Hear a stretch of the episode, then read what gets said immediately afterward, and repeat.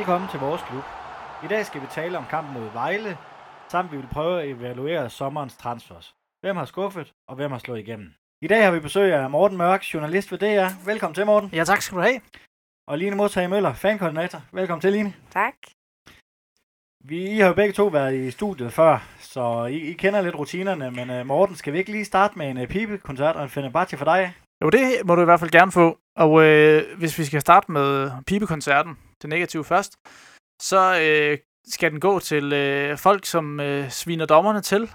Og det foregår både på de sociale medier, og øh, det foregår endda også fra journalister og kommentatorer nogle gange, og meget aktuelt fra den seneste kamp, hvor Sandy, Put- Sandy Putros jo lavede en kendelse, som øh, var meget omdiskuteret, øh, det røde kort til Vejle. Og det har altså givet en øh, masse, masse skal ud. Og det, jeg synes, det er jo super fint, man diskuterer kendelsen, og er det en rigtig eller en forkert kendelse, det skal man endelig gøre. Det er en del af fodbolden. Men det der med at udstille manden som udulig og inkompetent, og folk skriver, at øh, dommeren skal i karantæne nu, og alt muligt, altså hold nu op. Sådan, altså det, det er simpelthen at, at tage det for langt, efter min, efter min mening. Og jeg synes, det er rigtig synd, også for vores øh, fodboldliga, fordi det bliver jo enormt uattraktivt efterhånden at være dommer, fordi man skal stå model til den der slags øh, platheder og beskyldninger for det ene og det andet. Altså. Så øh, det håber jeg, at øh, stopper en dag. Jeg tvivler, for det har vel været der altid, men, øh, men det, det er min pibekoncert. Og så øh, Fenerbahce, den øh, skal gå til, jeg ved ikke til hvem, men øh, den eller de personer, som øh, har øh, skrevet en øh, sang ude på tilskuerpladserne til Alexander Bar. Og øh, jeg synes bare, det er en, det er en fed sang, og jeg elsker det der med, at øh, fansene de skriver nogle sange, som er særlige til de enkelte spillere, i stedet for at man bare står og råber Marcel Rømer, Marcel Rømer. Og det kan man jo, det er jo fint nok, men det er bare fedt det der med, de laver en særlig sang til en særlig spiller, og øh, mere af det, det synes jeg er fedt. Det må du tage lidt med til, til fanklubben, øh, Line. ja. Vi skal jo snakke om uh, Sønderjyske Vejle i dag.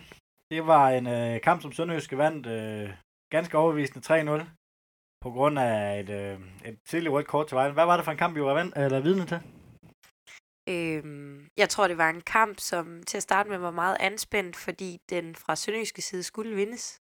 Sådan tror jeg i hvert fald, at det, at det var meningen fra fansenes side. Der var en meget klar udmelding om, at den kamp den skulle vindes, og ellers så, øh, så skulle der snart rulle nogle hoveder. Øh, af en eller anden underlig årsag skal der altid rulle nogle hoveder, når vi taber. Men øh, den skulle vindes, og det gjorde vi også, og meget sikkert, og som du selv siger, lidt usikkert. Øh, lidt en sløv start, men øh, der kommer et rødt kort, som hjælper os lidt på vej. Morten, du dækkede jo kampen fra, fra Liga på P3. Hvad, hvad var det for en kamp, du så? Jamen, jeg er da meget enig med Lina. Altså, det var jo sådan en øh, lidt fastlåst kamp til at starte med, og en kamp, hvor øh, Vejle jo stod langt tilbage på banen. Det gjorde de allerede fra starten af, også øh, inden de fik det røde kort. Og så øh, kom de jo så ligesom i de her kontrastød, og det var jo også øh, Vejle, der... Jeg ved ikke, om man kan sige, at de var bedst, men de havde i hvert fald de største chancer, ja, inden de fik det, fik det røde kort. Øh, og der havde de altså lidt svært ved at styre Sønderjyske, nogle af de der små kreative typer fra Vejle, Adam Jacobsen og Abner Mukolli der i, i starten af kampen. Men, øh, men så, øh, så fik Sønderjyske jo så efter, efterhånden fat i det, og Vejle stod jo mega dybt, så da de, da de fik det røde kort og kom ned på 10 mand, så havde de jo næsten ikke mere at byde på i resten, resten af kampen sådan offensivt. Nej, for det er vel det røde kort til William Murat Davidsen, der bliver udslagsgivende, øh, især når det kommer så tidligt i kampen.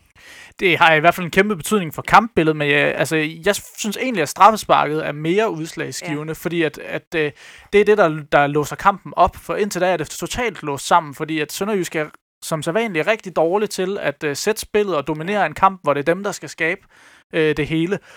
Øhm, men da de kommer foran 1-0, så betyder det jo, at Vejle de bliver lukket længere frem på banen, og det begynder at skabe en masse rum, som Sønderjysk jo så øh, faktisk er rigtig gode til at, til at udnytte. Så, så det synes jeg egentlig er den mest øh, kampafgørende situation så er det generelt sådan lidt uhyggeligt at tænke på, hvor dårlige vi er til at spille i overtal. Det, jeg synes det, umiddelbart tit, det ser ud som om, at vores gameplan, den fejler lidt, så snart vi er en mand i overtal. Og jeg taler ikke kun om Midtjylland-kampen, hvor man kan sige, okay, det er måske forventeligt, at Midtjylland er så stærkt et hold, at de, de rykker bare tættere sammen, og så lukker de af, ikke? Men, men jeg synes også, hvis man ser tilbage på sidste sæson, når vi har været i overtal, jeg synes ikke, vi formår at få, få, det, u, få det ud af det, som man egentlig forventer af et hold, der er i overtal. Øhm, hvis vi lige skal vente røde kort først, så kan vi gå tilbage til, til straffesparket senere. Så har der jo været rigtig meget øh, snak om det, som du også nævner, Morten. Øhm, hvis vi skal prøve at tage de lidt objektive briller på, selvom det er meget svært at sidde her i det øh, sønderjyske studie og, og se det. Hvad synes du om kendelsen, Line? Altså, jeg synes ikke, øh, jeg synes ikke den er rimelig. Jeg, jeg synes, øh, du kan godt snakke om, at øh, der er bare ikke noget, der hedder sidste mand mere, så det kan du ikke snakke om. Øhm, og desuden så, så har Vejle også en fors, øh, forsvarsspiller inde midt på, og jeg vil godt give dem ret i, at Alexander tager jo faktisk et træk væk fra målet. Øhm, jeg synes, Gul havde været på sin plads og et frispark. Jeg synes også, den er hårdt dømt. Ja, ja uha, det er virkelig svært. Altså, da jeg sad og kommenterede den, det, det, der, jeg var faktisk på øh, live der, hvor, hvor at, øh, at øh, hændelsen den, øh, den indtraf, og der tænkte jeg med det samme, den her, den, den ligger på grænsen, gav videre, om han trækker det røde kort op, øh, og det gjorde han jo så, trækker det røde kort op, og og det er også mit klare indtryk, sådan, at jeg har set forskellige øh, folk kommentere på det bagefter, altså, at vi er ude i et eller andet form for, for grænsetilfælde her. Altså, Sandy Putros har jo selv været ude efterfølgende og har set den igen, fastholder, den, den er god nok. Han mener, det er en oplagt scoringsmulighed. Omvendt kan man så se en dommer som Benjamin Lander, som skriver meget på Twitter. Han øh, er blevet af nogen Vejle-fans, tror jeg, opfordret til at, at se den grundigt igennem den der. Og det har han så også gjort og har analyseret på den, og han øh, kommer til et andet resultat. Han mener faktisk, det er helt klart, at det ikke er en oplagt scoringsmulighed, men kun det, man kalder en lovende scoringsmulighed. Og det skal altså kun give et gult kort. Så, så han mener, det er en fejl af, af Sandy Putros. Det, og det er jo virkelig, altså, det er jo svært at vurdere, ikke? fordi det handler jo ikke så meget om, om bolden er på vej i den ene eller den anden retning. Det handler om, hvor meget fart har den på, hvor kan han nå bolden, og hvad for en afslutningsmulighed har han. Så der er der forsvarsspillere, der har mulighed for at komme ind og blokere det er en svær, svær kendelse at lave, og han skal jo lave den sådan der, ikke? Altså. Og øh, ja, nu må vi se, hvad der sker. Den er jo blevet appelleret, så vidt jeg kan forstå, af, af Vejle, og så må vi se, om, om disciplinærudvalget de så kommer til noget andet resultat. Men man kan jo så sige, at fakta er, at det røde kort er givet, og det får jo selvfølgelig ikke nogen øh, indflydelse på vores kamp. Øh, jeg synes også, som sagt, den er hårdt dømt, men, men men jeg synes også, det er sådan lidt tavligt, at, at, at læreren, der går ind og direkte kommenterer på det, ikke fordi han har alle muligheder for at analysere og se klippet lige så mange gange, han har behov for. Øh, så, så jeg kan godt forstå, at, at, at Sandy Pudras, han tager den beslutning, han gør i øjeblikket, for han skal, som sagt, tage den lige nu her, og har ikke mulighed for at se. Ja, jeg, vil fald, jeg vil bare sige, at jeg er heldig i hvert fald også til, da jeg lige så den i første omgang der i live og on air, der tænkte jeg også, jeg synes nok, det er et rødt kort der.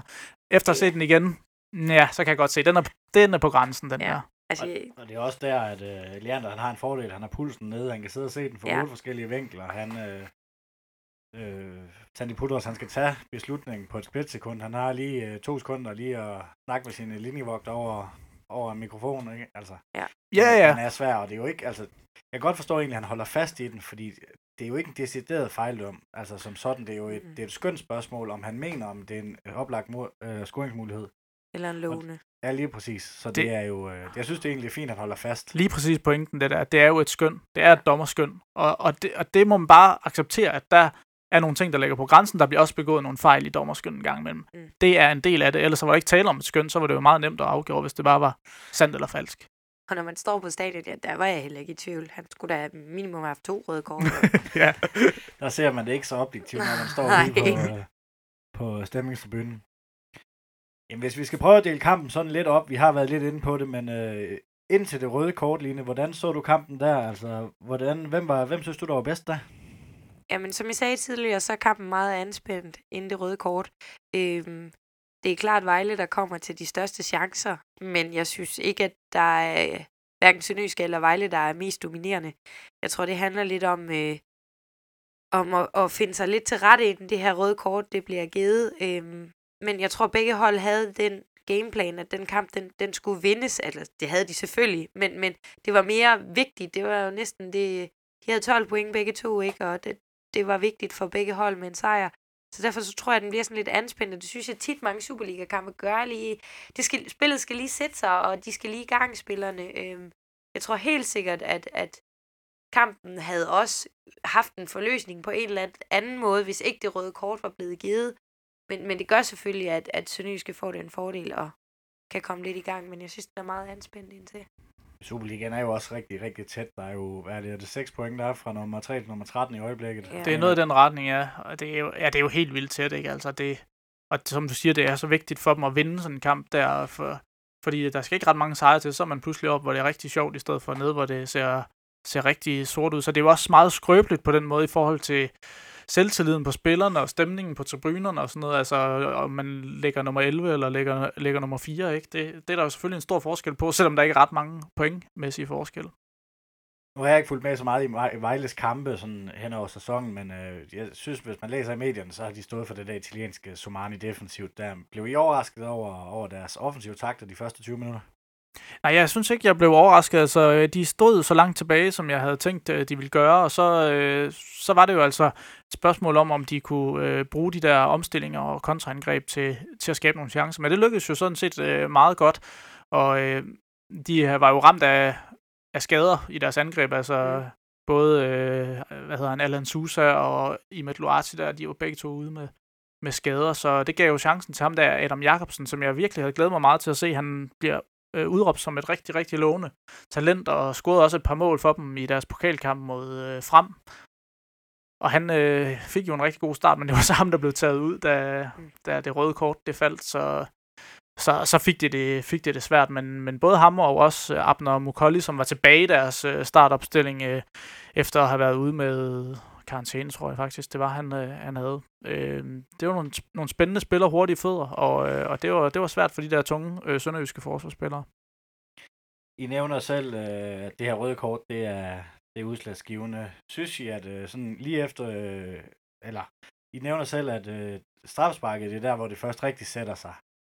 Synes I, at øh, Sønderjyske i første halvleg får, får nok ud af det overtalsspil, som der egentlig er? Altså, jeg synes ikke rigtigt, at, øh, at de sidste 25-30 minutter af første halvleg, at man kan se, at Sønderjyske er en mand i overtal. Altså, jeg synes jo helt sikkert, som vi snakkede om tidligere, at, øh, at vores gameplan, synes jeg ikke virker... Øh, det virker ikke som om, at der ligger en fast gameplan på, hvad sker der, når vi er en mand i overtal. Det virker ikke til, at det fungerer for dem. Øh, og jeg tror, spillet skulle lige sætte sig, og jeg tror også, de bliver ramt sådan lidt af, af, at okay, nu er vi en mand i overtal, nu forventes der i hvert fald, at vi trækker en sejr. Og, og det tror jeg igen, at, at der var noget spil, der lige skulle sætte sig, og de skulle lige finde ud af, hvilke ben skal vi egentlig stå på. Øhm, jeg synes, de ser meget usikre ud. Og det- jeg synes også, det ser ud som om, at de bliver ramt lidt af den der panik over, at, at nu forventes der i hvert fald en sejr.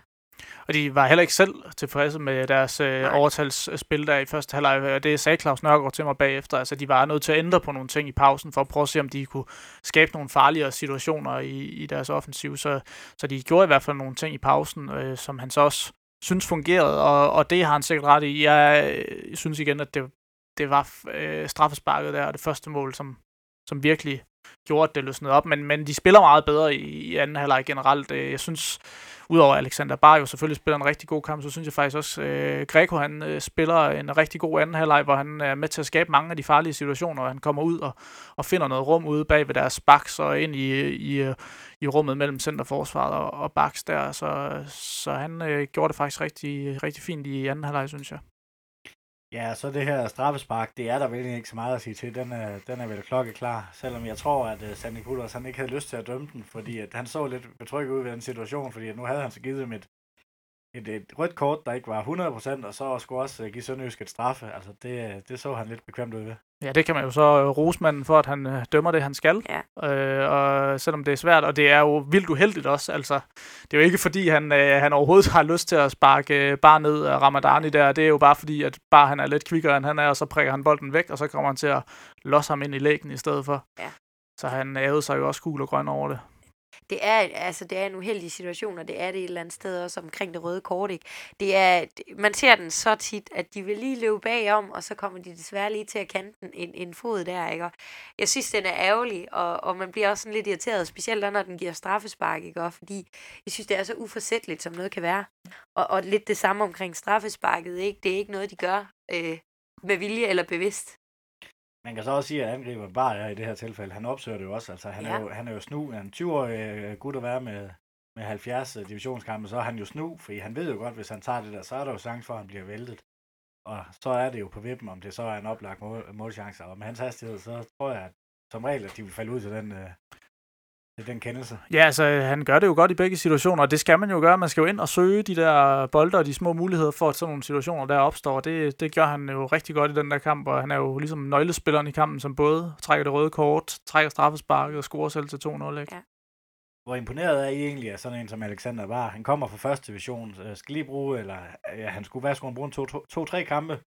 Og så er han faktisk øh, nærmest, altså vi har jo glemt Simon Kron fuldstændig nu, kan man sige. Ja, jeg er mega imponeret. Altså helt vildt. Jeg synes, han har bare taget arbejdshandsken på fra dag 1. Der har ingenting været. Han har arbejdet stenhårdt. Altså, øh, og det har været 100% indsatser fra hans side. Og man tænker, det, det er altså en, en, en, ja, hvad skal vi kalde ham, en dreng, en mand på 20 år, der, øh, der bare spiller sig ind på et Superliga-hold øh, fra dag 1. Det synes jeg er mega imponerende.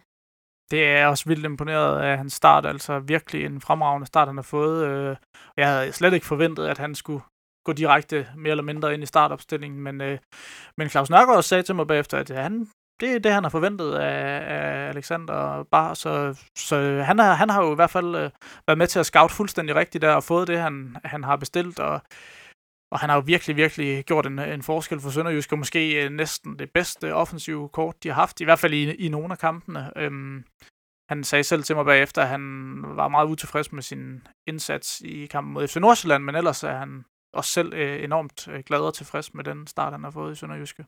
Og så er det rart, at Heisen endelig kan smide en øh, femårig kontrakt til en, der faktisk slår igennem, i stedet for, i stedet for dem, han har været lidt uheldig med de lange kontrakter tidligere. Det må man sige, og der bliver også øh, penge i, i manden på et tidspunkt. Det, Og det, det det tyder der. alt derpå. Ja, og så tror jeg, at, øh, at ligesom du siger, den her femårige kontrakt, den bliver, den, den bliver guld værd. Altså, jeg tror, det, det, det, han kan gå hen og blive en af de helt store salg for Sønderjyske. Øhm, og hvis han fortsætter sin udvikling, så tror jeg ikke på, at vi har ham om to år. Det må vi jo, vi skal, det må tiden jo vise. Ja. vi skal vi, lige, øh, vi ved jo da, at øh, Claus Stejland har øh, Hans Jørgen Heisens nummer, så han ender jo nok i Midtjylland, ikke? Er det ikke det, de alle sammen gør? os håbe, han snart har smidt det væk. ja. Til gengæld har han mange penge jo, så det kan være, at han vil betale en god pris for ham. ja. Ja, han har lidt ekstra efter det her, det her sidste par transfervinduer. Øh, jamen, øh, med sejren, der fik vi jo tre point. Det, det er jo egentlig fint nok. Øh, Hvor meget kan man bruge sådan en øh, sejr mod en oprykker til øh, med 10 mod 11 i knap 70 minutter? Så de tre point er jo enormt vigtige, fordi det er så sindssygt øh, tæt i det der top 6-spil, og det er jo snart lige meget, hvem man spiller mod. Alle kan slå alle i Superligaen, stort set. Det er lige FCK og FC Midtjylland. Selv de kan slås en gang imellem. Vi så Vendsyssel slå øh, FCK forleden. Mm, så det, det er jo sindssygt vigtigt, at man får tre point, og øh, Sønderjyske øh, får de tre point i den der kamp, og de får også øh, 70 minutter til at spille i overtal, og kommer igen til at øve sig på det der med at, at skulle dominere en kamp og sætte spillet, og, og det bliver jo forventet i flere af kampene for Sønderjyskes vedkommende over, at det er det blevet gjort over de senere sæsoner, ikke fordi at de har, de har klaret sig godt og spillet med i den sjove ende, så er det et hold, som øh, mange de stiller sig lidt længere tilbage mod, og så, så er det vigtigt, at man, man selv kan, kan styre og diktere kampen, og det har Sønderjyske bøvlet rigtig meget med, så alt øvelse, de kan få i det, er jo sådan set guld værd i sig selv. Og så tror jeg målene. Altså den der rus, som, som spillerne får, når de scorer et mål. Øh, den selvtillid, det kan gå med, eller give med til næste kamp. Det tror jeg er fuldstændig ligegyldigt, om det er en kamp, hvor de spiller 11 mod 10, eller om det er 11 mod 11. Jeg tror simpelthen, den adrenalin, det giver, det giver noget øh, selvtillid og, og noget godt for spillerne. Hvis man sådan skal snakke om anden halvleg, og selvom det er på en billig baggrund 10 mod 11, var det så en af sæsonens bedste præstationer? Nej. Ej, ej jo, det kan sagtens være, men, men, men Brøndby-kampen står som mig for noget af det mest suveræne, Sønderjyske har lavet den her sæson, og jeg synes, vi har været langt fra det niveau i, altså i for mange af de, i de resterende kampe. Jeg har, jeg har tit tænkt på, jeg synes, det virker sådan under Claus Nørgaard, at vi er bedst mod dem, der vil frem af banen, dem, der Mm. ikke pakker sig, men vi har rigtig svært ved at bryde de der betonforsvar op, og det var egentlig også det, jeg var lidt bange for, som vi snakkede om i, i torsdags, at det ville blive sådan en kamp. Det røde kort ændrer sig selvfølgelig der, og så får vi på et straffe, hvor vi så laver øh, et øh, prikket hul på den, som man kan sige. Ja, helt klart, det er jeg fuldstændig enig i. Altså, det er bedst for Sønderjyske at spille mod et hold, der gerne vil spille fodbold også, og kommer lidt frem og prøver på at trykke Sønderjyske. For det meste, nu gik det så galt mod FC Nordsjælland alligevel, ikke? Men, men det er der, det åbner sig op, og det giver os noget, tit nogle helt vildt underholdende kampe. Altså, det er Sønderjyske mod FC Midtjylland, mod FCK, mod Brøndby. Det er næsten altid en fest af en fodboldkamp, ikke? Fordi at det er hold, som kommer frem på banen, og det giver Sønderjyske mulighed for at spille det spil, de er bedst til, og så, så får vi noget, der er interessant at se på. Der er bølger frem og tilbage, og der er chancer i begge ender. Og meget målrige kampe indimellem også mod topholdene. Det næste punkt på, mit, øh, øh, på min dagsorden, det er man of the match, men det synes jeg næsten er fornemt, fordi det, det er, der er vel ikke nogen tvivl om, at øh, det var Alexander Bag. Men hvis I ikke må vælge ham, hvem, kunne I, øh, hvem synes I så, der, der spillede, øh, spillede en udmærket kamp? Jamen, så tror jeg, jeg vil, nok, jeg vil pege på Greco i hvert fald, som jeg synes, I spiller en rigtig god anden halvleg, som jeg sagde før, og øh, var med til at, at skabe mange af de farlige situationer, og øh, Øh, tæt på at få en assist til Mart Lider også, øh, og øh, der, der, der var mange gode situationer, som, øh, som Greco skabte, og, og han har også brug for at få lidt, lidt selvtillid og komme, komme i gang igen for alvor, og det, øh, det tror jeg da, han, han, han kan tage noget med sig for den kamp. Øh, jamen, jeg sidder ofte øh, tilbage efter kampene og tænker på Gardenman, som jeg synes øh, er en, en spiller, der leverer på et rigtig højt niveau i, i stort set samtlige kampe. Der er dem der mod Nordsjælland, hvor, hvor, hvor jeg tænker, at gameplanen den også fejler stort. Men øh, ellers så sidder jeg tilbage med det indtryk, at han altid er, er garant for en ordentlig arbejdsindsats, og det, øh, det synes jeg også, han skal have ros for.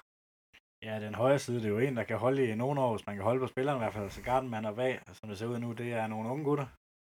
Ja, de kan jo holde i mange år, men, øh, men øh, igen, det er jo det der med Claus Steinlein og telefonnummer, og så er de nok solgt på et tidspunkt. Ja. I hvert fald, hvis, øh, hvis de fortsætter med at holde det samme høje niveau, så tror jeg heller ikke, vi har dem så mange år at se nu. Nej. Med sejren, der hoppede vi op på 9. pladsen øh, med tre point op til en tredje plads. Så alt i alt var det vel en, en rigtig god runde, hvis man kigger på de andre resultater. Det kan man da roligt sige. Øh, en sejr i det der tætte spil, det giver altid en god runde, og tit et ordentligt hop op i, i tabellen i det der tætte top 6-spil der. Lene, nu har vi jo ikke en, øh, en runde nu, der landskampspause i næste runde, og øh, jeg har, men øh, så i stedet for at vi, vi taler en kamp øh, op, så skal vi øh, så skal vi lige snakke lidt om transfervinduet. Inden det, så skal jeg lige bruge en øh, Fenerbahce og en pigekoncert for dig. Du har haft lidt svært ved at, ved at komme med nogen, men øh, kan du... Øh... Ja, øh, min pibekoncert, den, øh, den går sådan lidt atypisk til de sponsorer, der sidder på fuldsangtribunen. Øh, nu har vi nogle sæsoner kørt med det her Sønder Jyske, og hvis der er nogen, der ikke har lavet noget, eller råbt noget som helst, de sidste halvanden sæson, så er det vist sponsorerne. Jeg ved ikke, om de har glemt stemmen, da de gik hjemmefra, men jeg synes, det er lidt tamt. Det er de der øh, syv, fem til syv råb, vi, vi, vi beder om fra dem, som giver noget fantastisk til stadionet. Og den, den har de ligesom glemt. Så den må de godt lige samle op igen og begynde at råbe lidt med. Det kunne være rigtig hyggeligt. Så man faktisk også kan høre andet end jyske på tv'et. Øh, jeg ved godt, de selvfølgelig også er godt stillet, for det der over tv og mikrofoner, de står, det lyder sådan lidt tamt, når man ser kampen efterfølgende, og kan høre, der bliver bare sunget jyske, og så bliver der stille, og så bliver der sgu sunget jyske igen. Så de må lige komme lidt i kamp ind i kampen. Må jeg komme med en lille ting til den der sønderjysk? Jeg synes, det er et fantastisk koncept, men jeg synes desværre, det bliver for statisk, når det skal være på klokkeslæt. Jeg synes, man mangler lidt liv. Jeg synes ikke, det behøver at være kvarter. Jeg synes, det kunne være fedt, hvis den kommer, når det passer ind, i stedet for, at det skal være efter 15 minutter. Det er en fantastisk idé, og det, jeg kan huske første gang, jeg hørte det, der fik jeg gåsehud. Men jeg synes, at det ødelægger lidt, at det er sådan sporadisk med, at det er, det er timet og tilrettelagt. Jeg tror, øh, det vil komme med tiden. Jeg tror, så længe vi er så få, så øh, er man nødt til at være sikker på, at folk ved, at det er 15 og det er 60, så vi har nogen. For der er vidderligt ikke, øh, der, der er ikke fyldt længere på stemningstribunen, så, så for at der skal være som mest muligt kanal på, så, så, så tror jeg desværre, at vi er nødt til at køre med lidt statisk noget tid nu. Det er også øh, det er udmærket svar. Så en, øh, en Fenerbahce. Jamen, hjemmefra havde jeg faktisk planlagt, at den skulle gå til, til Alexander Bar. Øhm, og det er også, jeg ved godt, det er sådan lidt en billig baggrund, jeg ved det godt, men jeg er meget imponeret af den her 20-årige mand, som bare har sparket røv fra den dag, han stillede sine ben på grøntsværen i Haderslev. Det synes jeg er helt igennem fantastisk, og han, når han stiller op til interview, han er realistisk, og han er så sympatisk at høre på, og det kan jeg sindssygt godt lide en fodboldspiller. Han kan snart ikke uh, tåle mere ros. Nej. Men ja. han har også uh, gjort det fantastisk, må man sige. Det har han. Jeg kan rose ham også for at have skaffet gode point til mit managerhold i weekenden, så, fordi han scorede jo. Så, så det var dejligt. Jamen, øh, skal vi så ikke gå lidt videre til transfervinduet? Vi har ikke rigtig haft mulighed for, at- for at snakke om det her i studiet, så lad os, øh, lad os lige prøve sådan hurtigt at gå, i, øh, gå igennem øh, de spillere, vi har mistet, og de spillere, der er kommet ind. Øh, Michael Ure har mistet vi jo til Brøndby, det vidste vi ret længe. Han, øh, han sidder på bænken. Havde I forventet, at han ville sidde så meget på bænken, som han egentlig gør? Ja. ja, jeg tror faktisk, jeg sagde det i en tidligere podcast. For jeg var sådan lidt arg på ham, og jeg sagde, at han skulle steppe mega meget op, hvis han ikke ville komme til at sidde og være bænkevarmer i Brøndby. Og jeg må ærligt indrømme, at jeg havde det lidt på forvent. Altså, jeg havde forventet det, og jeg synes selvfølgelig, det er ærgerligt, fordi Michael er en god spiller, og jeg synes jo egentlig ikke, han har fortjent det. Men for mig var det forventeligt. Det var det også for mig. Det er jeg fuldstændig enig i. Altså, han er jo ikke øh, nogen specielt målfarlig angriber. Og øh, øh, meget svært at slå Kamil Vilcek af i hvert fald som den første. Så er der så lidt kamp om at få den anden plads der ved siden af Kamil Vilcek. Og øh, der har de jo så købt Anta Ersic der, som har spillet den meget, øh, som er skadet nu, så vidt jeg ved. Men så er det så også lidt uheldigt for Michael Ure. Det var så hans chance, men så har ham med den unge Nikolaj Larsen så bare budt sig til og gjort det rigtig, rigtig flot. Og han er jo lidt låst også, Michael Ure, synes jeg, at han kan jo ikke passe ind nogen som helst andre steder i det system, de spiller. De spiller jo uden kanter, ikke? Fordi det, det kunne jeg godt have set ham som i måske i en anden klub, altså at han også kunne være brugt på kanten, ikke? Med hans har enormt godt øh, løbepensum og altså hurtig omstillingsspiller. Men det kan man ikke bruge øh, i Brøndby, fordi de spiller uden, uden kantspillere, så han skal jo ind på en af de der angrebspositioner, og, og det er bare mega svært for tiden, men... Øh, men altså, nu må vi jo se, hvordan det går for ham. Jeg, jeg tvivler på, at han er i, i Brøndby i, i mange sæsoner endnu. Jeg tror også, øh, at han forholdsvis snart begynder at, at se sig omkring efter noget andet, og det er selvfølgelig fuldt forståeligt. Han skal jo også ud og spille fodbold. Ja, Jeg, jeg, må indrømme, jeg troede, han passede godt til Brøndby, hvis han havde fået chancen og begyndte at score lidt mål. Men det har han jo heller ikke gjort, hvor han scoret et eller sådan noget, Ja. i, mens han har spillet for Brøndby. Så det var heller ikke, øh, han var jo ikke den store målsluger, men jeg troede, når han ikke skulle bruge så mange af sine, sine fysiske ressourcer defensivt, at han måske ville frigøre lidt plads til at score flere mål. Så øh, Sakari Matilda, han er til Fredrikstad, der er ikke så meget at sige om det. Han, det vidste vi, han var været skadet, og jeg synes, det er fint, at han har fået en kontrakt, så han lige skal fortsætte, så han ikke skulle lægge støvlen på hylden. Der er vel ikke så meget at sige til, til hans skifte. Nej, det blev jo aldrig rigtigt til det store i Sønderjysk også, Nej. fordi han var så meget skadet, så Ja. vi fik aldrig rigtigt at se, hvad han egentlig kunne, hvis han fik Nej. lov til at være i form over en længere periode. Nej, vi havde ellers hørt mange lovende ting om ham. Øh, det havde fansene i hvert fald. Og jeg synes også, i, i små brudstykker så vi, at han var, at han var dygtig teknisk. Øhm, men desværre for lidt, fordi han var meget skadet. Ja, han var først, da, da han bliver skadet, der er rigtig seriøst, der var han vel først lige ved at komme i form, tror jeg. Ja. Så får han øh, sådan en, en slem skade, som holdt ham ud i ni måneder, hvor længe han var ude. Så har vi Kasper Olesen. Han røg øh, først til Helsinki. Så blev han, hans kontrakt øh, revet i stykker derop. Og nu spiller han så en tisted, i Tisted. Han kan vel godt blive en øh, profil i første division. Det er da ikke utænkeligt, altså. Jeg, jeg ved det ikke helt, øh, om han, altså han skal jo først i hvert fald spille sig mere fast ind i startopstillingen. Nu er jeg ikke klar, om han er skadet igen. Jeg har bare lagt mærke til, at han har ikke spillet fra start de seneste par kampe for Tisted, så vidt. Hvis jeg har set rigtigt i hvert fald. Men, men han har da noget potentiale til det, og jeg synes, det er et øh, virkelig klogt øh, valg af ham at komme til en første divisionsklub, hvor han forhåbentlig kan få en masse spilletid, for det er jo utvivlsomt det, han har brug for. Det er bare at få en hel masse minutter banket i benene. Så, så på den måde øh, ligger det der i korten, at det godt kunne blive, blive en succes.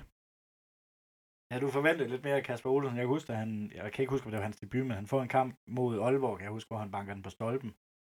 Hvor, øh, hvor der, man, der var nogle lovende takter fra ham i hvert fald. Jeg, havde- man kunne godt have håbet lidt mere for ham, synes jeg. Ja, altså jeg sidder også lidt med det der, nu er han jo en haderslev dreng, ikke? Øhm, så man sidder sådan lidt med det der håb om, at, at, at han slår igennem i første division, og vi ser ham igen.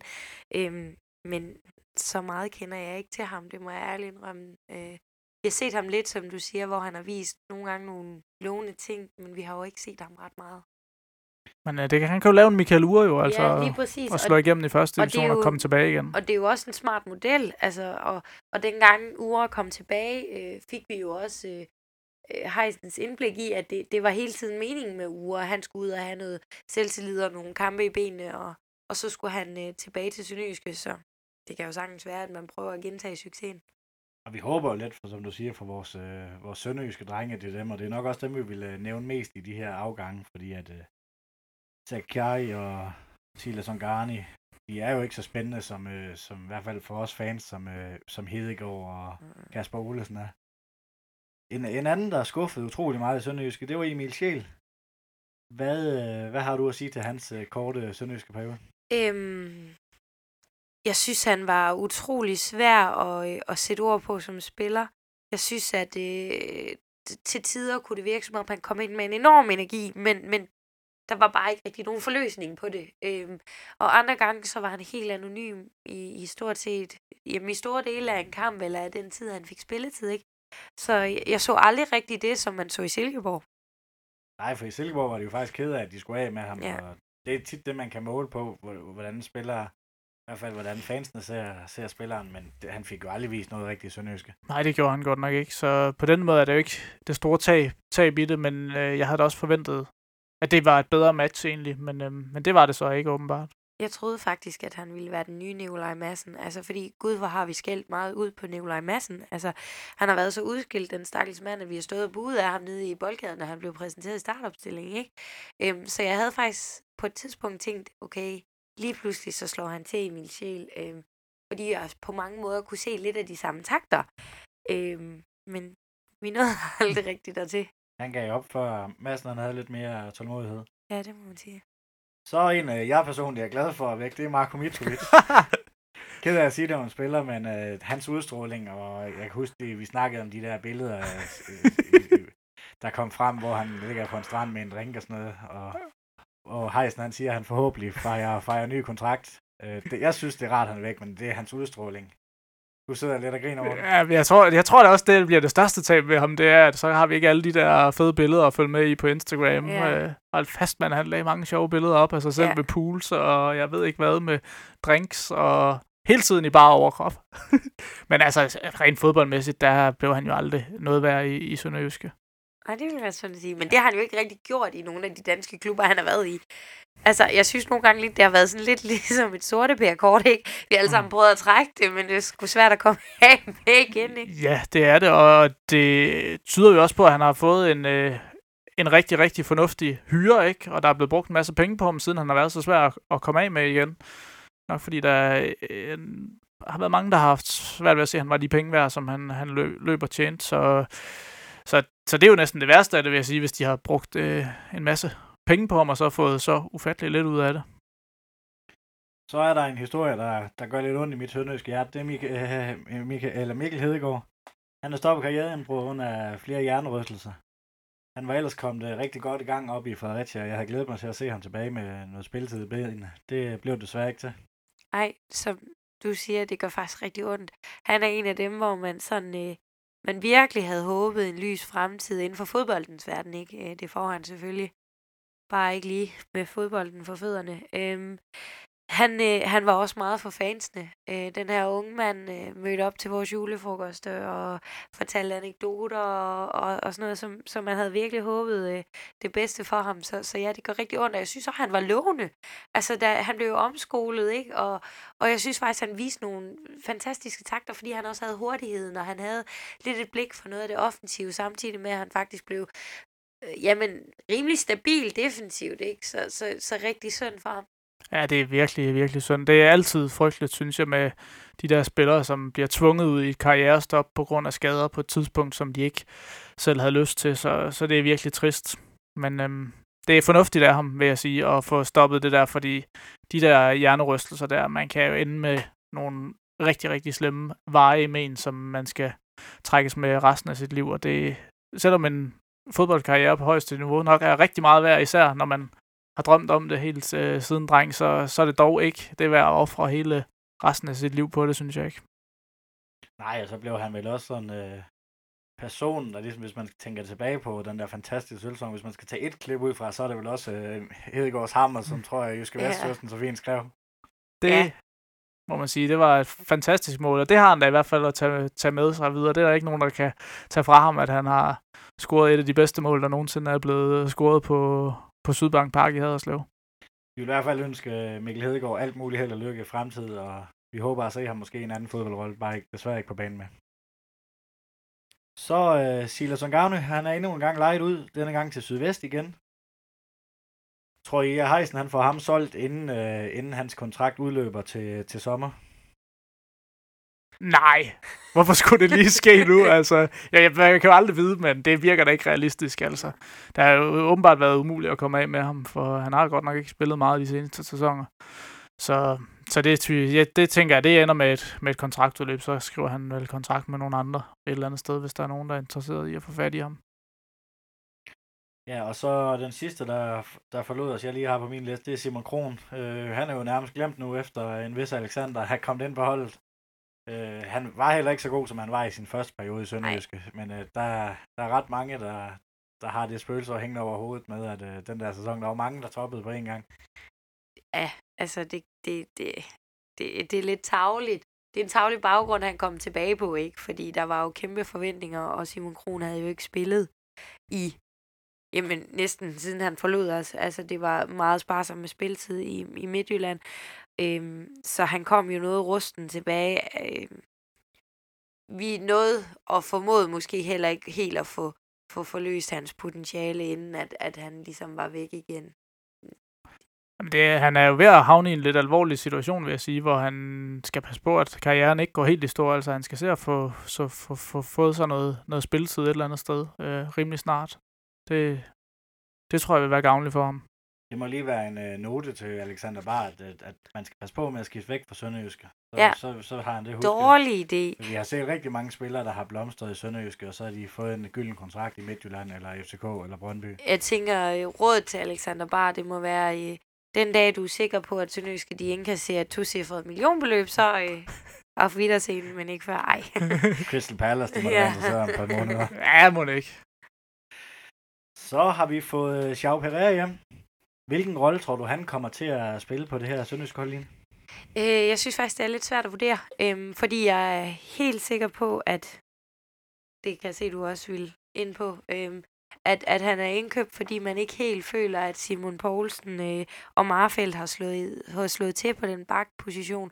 Og det kan man jo på mange måder godt være enig med Heisen i. Øh, om Xiao er løsningen, det er jeg ikke sikker på. Altså, øh, det, det, det. vi hiver ham lidt tilbage øh, på samme baggrund, at han gjorde det godt i sølvsæsonen. Ja, ja, det gjorde de alle sammen. Øhm, men han har heller ikke haft vanvittigt meget spilletid de sidste, øh, det sidste lange stykke tid. Så, så om, han, han, om han kan gå ind og, og løse den der lille problemstilling, vi har på bakken, det er jeg ikke sikker på. Vi aner jo faktisk ikke rigtigt, hvad det er, de har hentet tilbage. Altså, det en evighed siden, vi har set ham spille øh, noget fodbold. Så man skal jo ud og se nogle træninger i hvert fald, for at se, om, om han har noget at byde ind med, og nu er han vist øh, endda lidt småskadet, så vidt jeg kan forstå. Så, øh, men, men det er da helt klart, altså jeg kan sagtens forstå logikken i at hente ham ind, fordi at øh, Marfeldt har øh, ikke slået til defensivt på den der bak der, det, det har været et stort problem. Så når Simon Poulsen ikke har kunne spille, så har garderingen simpelthen ikke været god nok. Så, så, så på den måde forstår jeg sagtens logikken i at hente en, en anden gardering ind til den venstre bak. Tror jeg også, der ligger lidt i det, at man, øh, man tvivler lidt på, at man forlænger med Simon Poulsen. Han har udløb her til vinter så har du sted, kan du stadigvæk, du kan bygge øh, Schau op, øh, et, giver ham et halvt år, hvor han ligesom får lov til at bygge på fysisk, og så måske lade, lade Simon gå. Det kunne, det kunne sagtens være en tanke. Jeg kan godt forstå, at du får tanken i, i hvert fald. Øh, og det kan, må jo nok også an på, om Simon Poulsen har lyst til at fortsætte, eller om han synes, det, det er nok, også med sin fysik. Og sådan. Så, så derfor så er det vigtigt at have en gardering inde i, inde i truppen, som man kan bruge, hvis øh, Simon han er væk. Altså, jeg, jeg, har, jeg har svært ved at se, nu er jeg selvfølgelig også farvet af at være fan, ikke? Jeg har svært ved at se, at Simon Poulsen skal vælge at skifte væk fra Sønderjyske igen. Jeg ved, at han selv har omtalt det her som ringen, der blev sluttet. Så jeg tror, at hvis tanken er, at Xiao Pierre, Pierre jeg kan aldrig ja, ja. tak, øh, han skal tage over for Simon Poulsen, så er det med tanke på, at Simon Poulsen han holder. Det tror jeg, at du har fuldstændig ret i. Jeg kan heller ikke forestille mig, at han fortsætter i en anden klub. Det, det er Sønderjysk eller også er det stop, men, øh, men jeg ja. kan da sagtens forestille mig, at han har grundige overvejelser om, om, om han skal stoppe karrieren nu. Altså, han er jo skadet halvdelen af tiden stort set, ikke? Og, og altså, hans krop er jo slidt efter ja. en lang fodboldkarriere. Og flot fodboldkarriere. Det må man sige, i den grad. Så har vi hentet en anden gammel kending tilbage. Hvor glad var du, Line? Du har snakket meget, meget sådan nærmest øh, ja, pigeforelsket om... Nej, nej, jeg har, jeg, har, jeg har kun et crush på en sønderjyske spiller, som så ikke er spiller mere jo. Øhm, men øh, Johan Absalonsen har jeg altid synes havde en fantastisk udstråling, både på banen og ude for banen, og så er han om nogen efter Henrik Hansen, fansenes mand. Øhm, og møde Johan Absalonsen og høre, hvad han har af rosenord og fortælle om Sønderjyske. Det går simpelthen lige i hjertet på alle sønderjyske folk. Det, det, det, det er helt uden sammenligning. Øhm, han kan snart rose klubben mere, end jeg kan, og, øh, og det kan jeg sgu ikke andet end at respektere ham og, og elske ham for. Øhm, så jeg var rigtig glad, og øh, jeg tror ikke på, at vi har hentet en Johan Absalonsen, der kommer til at præstere på sølvsæsonniveau, men jeg tror, vi har hentet en Johan Absalonsen, som kommer til at præstere på det niveau, vi egentlig har kendt ham for i de resterende sæsoner, og jeg er sindssygt glad for, at han er tilbage. Man kan også se på de spillere, Heisner har hentet. Han har hentet nogle gamle ind, og det er også lidt for at få lidt DNA på plads igen i klubben, der måske var det at være lidt øh, ved at svinde lidt ud. Det tror jeg da helt sikkert har været en del af tanken i det, men jeg ved jo med øh, Johan Absalonsen, at de har jo lavet en aftale, inden han tog afsted, at øh, når han gerne vil hjem igen, så skulle han lige ringe, ikke? Ja. Og det er jo det samme, der også har været med Simon Poulsen, sådan set, som bare har været med i meget, meget længere tid. Og det siger selvfølgelig også noget og igen om Johan Absalonsens øh, ja, stor forkærlighed for Sønderjyske, at han bare gerne vil hjem til Sønderjyske igen, fordi jeg er da helt sikker på, at der var andre Superliga-klubber i øh, det der øh, tætte felt, som sagtens kunne have brugt ham også. Mm. Så jeg synes, det er en øh, super øh, signing at få ham øh, hjem igen, og så skal de, han jo lige ordentligt i, i form, og han var jo også lidt skadesramt i sin øh, periode i Australien, og sådan, så øh, når han kommer ordentligt i form igen, så, så tænker jeg også, at, at han øh, vil levere bedre, end, end vi har set ind, indtil nu, men, men han er jo også i sin fodboldkarrieres efterår, så jeg tror heller ikke, man skal forvente, at, øh, at han bliver topscorer i, i Sønderjyske igen. Men jeg synes, han er... Det er også den måde, hans, hans loyalitet, den skinner jo helt vildt meget igennem. Og det er sønderjyske DNA, der vil noget. Den der loyalitet, som, øh, som både fans og jeg tænker også øh, medspillere, de, de kan mærke i bare det, at, at de, de, de er i truppen. Øh, det tror jeg giver noget kæmpe stort. Øh, jeg har stor respekt for de spillere, som ærligt melder ud. Øh, jeg siger farvel til jer nu, fordi jeg har et ønske om et udlandseventyr. Det, det er der ikke nogen, der ikke, altså, der ikke kan unde dem. Men, men at man samtidig siger, at jeg er ikke interesseret i noget andet. Og det var jo det, Johan han sagde, det var udlandseventyr, eller også så var det sønderjyske. Øhm, og jeg ved, at der var forespørgsler fra mange andre danske klubber, øh, som godt kunne have brugt Johan Absalonsen, men, men som han havde sagt, det var han ikke interesseret i. Så øh, Mart Lider kom tilbage, øh, eller kom fra FC Eindhoven. Tre mål i 12 kampe. Øh, havde vi egentlig ikke forventet mere end øh, en spiller, der scorede øh, 30 mål i sidste sæson? De gør i hvert fald meget ud af at bygge forventningerne op til, at øh, der skulle komme kasser i lange baner ved at fremhæve hele tiden, at han havde scoret 30 mål i 31 kampe i sidste sæson. Og det er også et fuldstændig imponerende snit. Øh, jeg vil sige, at jeg havde forventet, at han havde scoret mere end tre mål, men øh, at han kunne holde det snit, som han havde i FC Eindhoven, det havde jeg nu heller ikke nogen, nogen forventning om, han skulle gøre i, i Sønderjyske. Det er trods alt et øh, niveau op at komme i Superligaen i forhold til den næstbedste række i, i Holland. Men, øhm, men jeg havde nok lige forventet et par mål mere, trods alt. Men, men det er også altid, det er altid svært, man angriber ikke i en ny klub, og han skal finde sin rolle på holdet, og og så, så tager det jo nogle gange bare noget, noget tid at få hul på bylden, og jeg tror, der skal nok komme flere mål fra ham. Det, det er jeg ikke så meget i tvivl om. Jeg synes, han er en svær størrelse. Øh, fordi i nogle kampe, så synes jeg, vi ser ham arbejde jamen, stenhårdt. Så synes jeg, der er nogle kampe, hvor han har sådan lidt en tendens til at være en lille bitte smule doven. Og, øh, og, og dogenskab, den passer ikke sindssygt godt ind på Sønderjyskes hold, fordi øh, der arbejder man som et helt hold, alle 11 mand. Øhm, men samtidig så kunne jeg også godt øh, tænke mig, at Sønderjyske bliver et hold, der godt kunne bruge en boksspiller som Mart Litter, og som jo egentlig ikke kun er en boksspiller, som også kan noget med fødderne. Øhm, så, så jeg tror også, at, at forventningerne var jo skruet helt, undskyld mig, latterligt højt op. Og jeg synes et eller andet sted, det var synd for manden. Og han kunne faktisk næsten ikke andet end at skuffe en lille smule. Øh, jeg vil ikke sige, at han er en kæmpe skuffelse overhovedet. Men, men jeg tror også, jeg havde forventet lidt mere end tre mål. Han bliver også brugt på en anden øh, måde, end han gjorde i Eindhoven. I Eindhoven var alt spil lagt op på ham, hvor her, der skal han mere ud og være første presspiller, og han skal være god med, med ryggen mod målet. Så, så måske havde vi forventet mere end tre, eller mere end tre mål, men uh, vi kan vel også, den chance, han havde i Vejlkamp, den havde vi vel egentlig også, om den bliver rettet af eller ej, en, en halv meter fra stregen, den må man vel ikke sparke over. Nej. Ja, er det, er det, rammer han ikke på låret, eller hvad? Jeg synes, jeg, jeg havde virkelig svært ved at se, hvor han præcis uh, ramte bolden der, men den bliver jo lige rettet af lige til sidst, der, uh, og han kaster sig jo nærmest bare ind i bolden. Han, det er jo ikke rigtig en afslutning, er det det? Det ser meget mærkeligt ud. Så, øh, så ja, men selvfølgelig skal man helst score der som, som angriber. Jeg, jeg, jeg tror altså, jeg, jeg kan godt lide, at han har sådan en, altså viser sådan et angriberinstinkt, synes jeg på en eller anden måde. Altså selvom han brænder nogle chancer, ikke, han bliver bare ved med at klø på i mange kampe. Og du har ret i, Lina, at der er nogle kampe, hvor han ligesom falder ud, eller er, lidt væk, om det er dogenskab, eller om det er, fordi han ikke rigtig kan, kan vende sig til, til en anden måde at spille på i alle kampe. Men øh, han har virkelig også kampe, hvor han bare knokler på, og han bliver ved og bliver ved og bliver ved, og virker ikke til at være sådan voldsomt hårdt ramt i de øh, kampe der på selvtilliden af, at han ikke scorer, selvom han øh, selvfølgelig ærger sig, og så, så klør han på, og så bliver han ved med at, at opsøge chancerne. Så ja, jeg sidder i hvert fald med den der fornemmelse, at hvis han sådan for alvor får hul på byen, så tror jeg godt, at han kunne, kunne komme til at score en masse mål for Sønderjyske. Jeg sad lidt i de første par kampe, og jeg synes faktisk, han afsluttede for meget. Altså, der var han meget egocentreret. Det synes jeg, han er kommet lidt væk fra øh, her de senere kampe. Øh, ja, og jeg synes også helt sikkert, at hans arbejdsmoral er blevet anderledes. Øh, jeg er, er enig med dig i, at han bliver, at han kan sagtens blive god på sigt. Øh, og ja, han skal nok bare også lige have lov til at vende sig til den spillestil, vi kører i Sønderjyske, som er så markant anderledes end Eindhoven. Ja, og han er jo så også ude i, at det bliver byttet lidt rundt på, har han en angrebsmarker at spille sammen med, eller har han ikke, ja. eller skal der ligge en uh, Marcel Rømer bag ved ham, som er noget helt andet, end at have Vildsum løbende rundt ved siden af sig, ikke? Altså, ja. så, så, det kan jo også sikkert skabe lidt forvirring for ham, og noget, han, han i hvert fald skal, skal indstille sig på. Men jeg synes også, altså, selvom han så ikke selv scorer, så i de kampe, hvor han spiller godt, altså, der opstår mange farlige situationer omkring ham. Han, øh, han øh, skaffer mange øh, dødbolde, og det er jo e-, helt vildt vigtigt for Sønderjysk at få fat i masser af de der dødbolde. Blive ved med at knokle på inde bag os i, i straffesparksfeltet og få et, få et hjørnespark. Det kan jo være, være mål og point værd for Sønderjysk.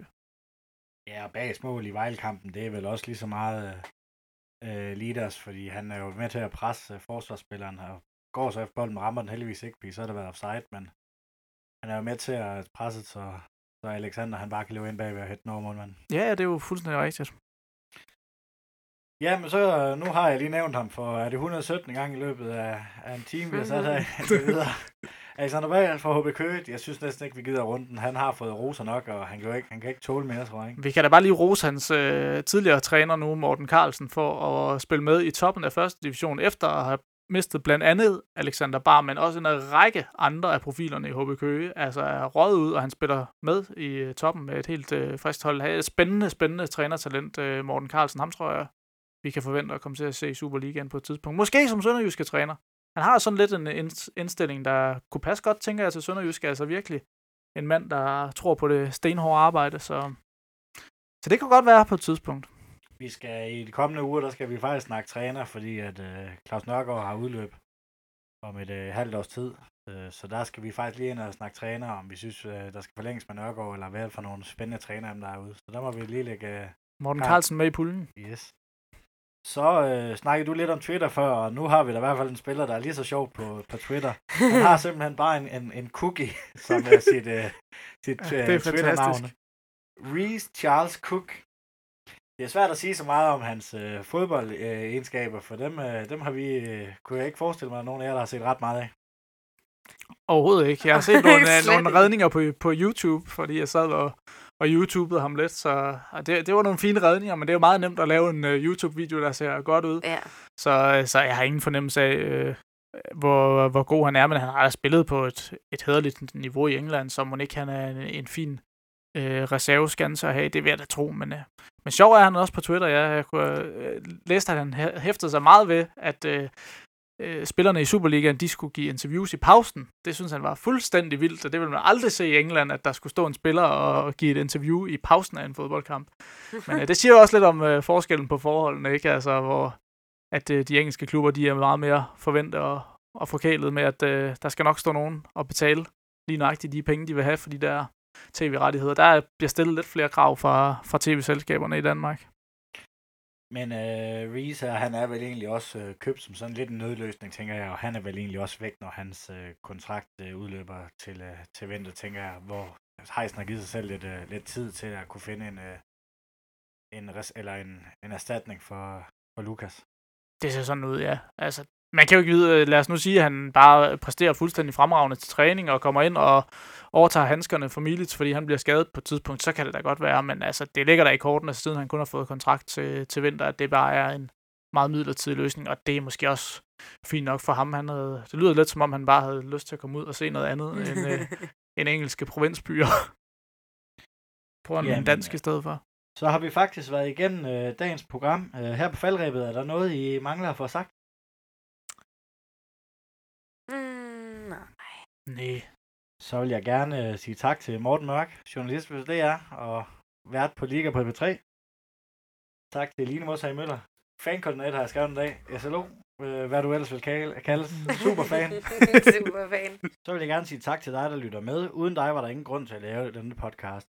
Næste udsendelse bliver mandag den 15., hvor vi skal lave en optag til Randers, og samtidig skal vi vende øh, Claus Nørgaards trænersituation, da han er udløbet om et halvt år.